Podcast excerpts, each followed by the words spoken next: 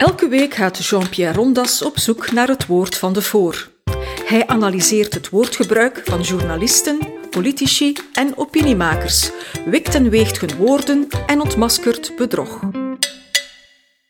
Een tijdje geleden dat ik nog van haar hoorde, Sihame El Kouakibi, uit het nieuws verdwenen en dus onbestaand. Zo vergaat de glorie der wereld. Maar kijk, ze heeft onlangs helemaal alleen een vers ziektebriefje aan het Vlaams parlement bezorgd. Tot eind februari 2022 mag ze thuis blijven. Haar verlof met afgetopte wedden zal dan een half jaar hebben geduurd. Als haar ziekte blijft aanslepen, wordt het misschien levenslange parlementswerkzaamheden onbekwaamheid. Wat doet een normaal werkgever in zulke omstandigheden? Wel, hij stuurt een controlearts. Maar dat gaat niet, want het parlement betaalt weliswaar haar loon uit, maar is niet haar werkgever. Het parlement is een salaris uitbetalende, edoch niet werkgevende instantie, zo heb ik het toch begrepen. In de krant stond dat de enige ware werkgever van een parlementslid het volk is, dat zijn vertegenwoordigers naar een half rond stuurt om daar van gedachten te wisselen. Lang geleden ook dat ik het volk hoorde inroepen als verschoningsgrond om iets wel of niet te doen. Nog langer was het geleden dat het volk zomaar positief werd geciteerd. En vooral zonder begeleidende vragen over wie of wat dat volk nu eigenlijk wel mocht zijn.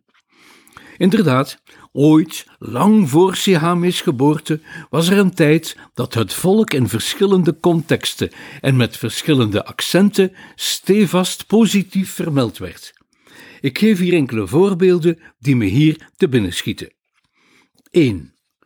Voor de flamigant Hugo Verriest, leraar van Albrecht Rodenbach en geestelijk vader van de Blauwvoeterie, was het volk gewoon dat volk het volk waarvan hij de geschiedenis kende, waarin hij leefde en dat hij wou verheffen uit de driedubbele miserie van het arme Vlaanderen.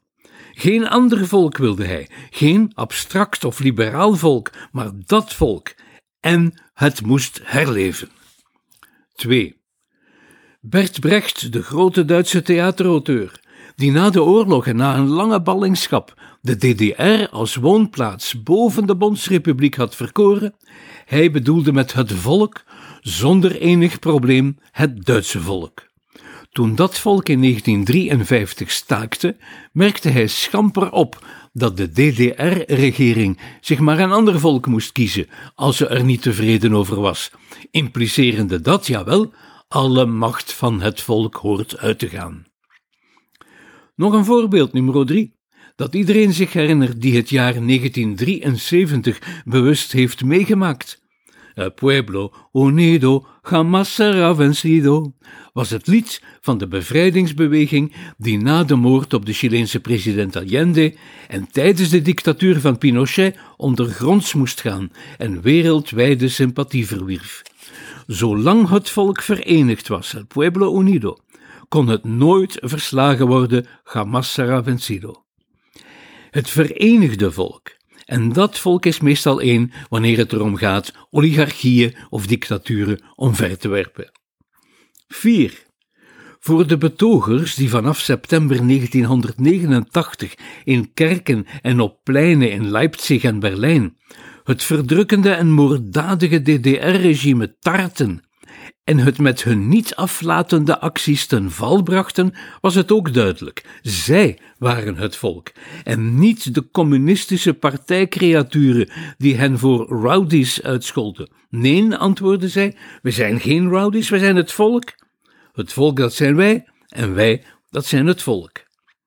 En even later, nummer 5, toen kort na de opening van de muur in oktober 1989 Oost- en West-Berlijners samen op straat Wir sind ein Volk zongen, met de klemtoon op ein, kozen ze voor een volk dat wieder vereinigd wilde worden en dat de artificiële grens wilde slopen die het volk en de gemeenschap doormidden sneed.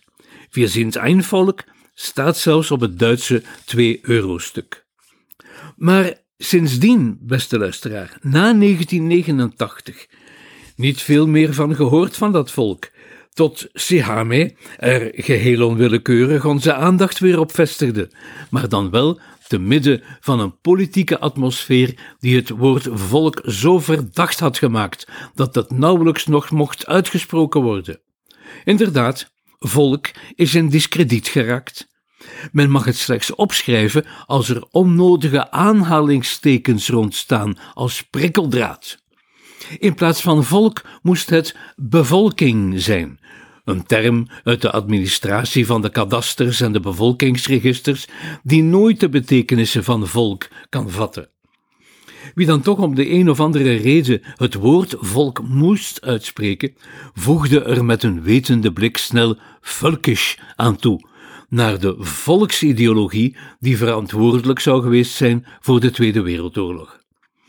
In een overmoedige bui liet toenmalig CD&V-voorzitter Wouter Beke optekenen dat populisme, volksisme dus, voor hem gelijk stond met de onderbuik van het volk naar de mond praten. Een van zijn vele vieze malapropismen. nu in dit intellectueel klimaat verscheen Reset, het handboek van de volkssoevereiniteit, geschreven door de Brusselse socioloog Markel Gardus. Het verraste dan ook iedereen die uit gewoonte en onnadenkend de rechtsstaat als het hoogste politieke goed beschouwt. De centrale stelling van dat boek luidt dat sinds de Franse Revolutie twee opvattingen van democratie elkaar hebben bestreden. De eerste is de liberale logica van individuele rechten, le droit de l'homme et du citoyen. Voor liberalen is het hele bestel op deze rechten gebaseerd. Zoals hun naam het aangeeft, liberalen, ijveren ze voor de vrijheid, maar dan vooral voor de vrijheid van het individu. Rechten kwamen in de plaats van de goddelijke bevelstheorie, waarop het hele ancien regime had gesteund en waaraan de koning zijn absolute macht had ontleend. De plek van God stond leeg en de rechten kwamen ervoor in de plaats. Markel Gardus vertelt in zijn boek hoe de Franse Assemblée twijfelde tussen zo'n rechtsstaatssysteem en het alternatief, dat namelijk omgekeerd alle rechten afleidde uit het bestaan van de gemeenschap en het volk. Dit gemeenschapsdenken had dan de basis moeten zijn voor de democratische logica van de volkssoevereiniteit. Had moeten zijn, want die idee van de volkswil werd gedurende de 19e en het grootste deel van de 20e eeuw slechts met de mond beleden. Tijdens en na de Franse Revolutie waren alleen de radicale verlichters en de contraverlichters samen voorstander van deze echt democratische optie. In Europa hebben we moeten wachten tot de arbeidersbeweging vooraleer de liberalen hun houding wel moesten aanpassen. Slechts tijdens Les Trente Glorieuses, dat is grosso modo de dertig jaar tussen 1945 en 1975, kreeg het volk zijn zeg, omdat de sociaaldemocratie ervoor gezorgd had dat het volk, zoals Elgardus dat zo krachtig uitdrukt, greep kreeg op zijn leven. Maar vanaf 1975 kwam er een liberale backlash die de welvaartsstaat en de welzijnstaat verzwakte en die uitmondde in de volledige overwinning van het neoliberalisme, wiens machtigste wapens zijn de vrijheid van het individu en de daarmee samenhangende ontkenning van de gemeenschapsidee en de volkswil. Daarover, beste luisteraar, en over deze ene complexe tegenstelling gaat Elgardus boek. De reset van de titel zegt dat de toestand van volkssoevereiniteit moet hersteld worden. In het vierde en laatste deel van zijn boek, dat heet Van liberale naar communautaire democratie, doet de auteur uitvoerig uit de doeken wat er moet gebeuren om dit doel te bereiken. Op vier gebieden stelt hij drastische en inderdaad verrassende en, zoals een recensent zei, ontstellende maatregelen voor. Ten eerste, migratie hoort aan banden gelegd. Ten tweede, de kiezer moet zijn rechten terugkrijgen, geen grendelgrondwetten. Ten derde, rechters moeten ermee ophouden wetgever te spelen, de actieve rechters, de activistische rechters. En ten vierde, de mensenrechten horen niet meer in functie van het neoliberalisme te staan. Het komt erop neer dat de hiërarchie der machten in haar juiste volgorde moet hersteld worden, waarbij het parlement rechterlijke uitspraken kan toetsen en daarbij het laatste woord kan hebben. De volkssoevereiniteit, schrijft Elgardus, moet de uiteindelijke toetssteen van soevereiniteit worden. Nu, dat zijn boek door consequente liberalen wordt verworpen, dat is evident. Zij richten hun kritiek vooral op de vermeende ontmanteling van het recht, die ze in Reset menen te ontwaren. Vooral de volkswil werkt storend op hun gemoed. Van een liberale naar een communautaire democratie gaan betekent de democratie vernietigen, laat Open VLD-voorzitter Lachaert optekenen, waarmee hij de keuze op scherp stelt. Ook van de Groenen kan men begrijpen dat ze dit boek afraden. Zij hebben immers van de politieke correctheid hun handelsmerk gemaakt en dit boek is op alle gebieden die het behandelt zo incorrect als de hel. Maar dat de partijen die beweren voor het volk op te komen niets moeten weten van een boek dat voor het volk opkomt, dat is mij een raadsel. Hoe linkser, hoe meer ze reset verwerpen.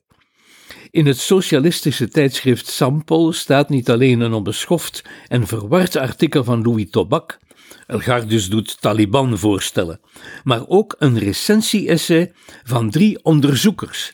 Een essay dat heel wat extreem linkser klinkt dan de schelspartij van Bak. En daar ziet de lezer de bekende liberale bezwaren tegen de volkswil opduiken, plus volkisch natuurlijk. Maar ik weet, en ik zeg het al lang, Open VLD en PvdA één front. Merci, Sihame. Dit was een episode van Doorbraak Radio, de podcast van doorbraak.be. Volg onze podcast op doorbraak.be/slash radio of via Apple Podcasts, Overcast of Spotify.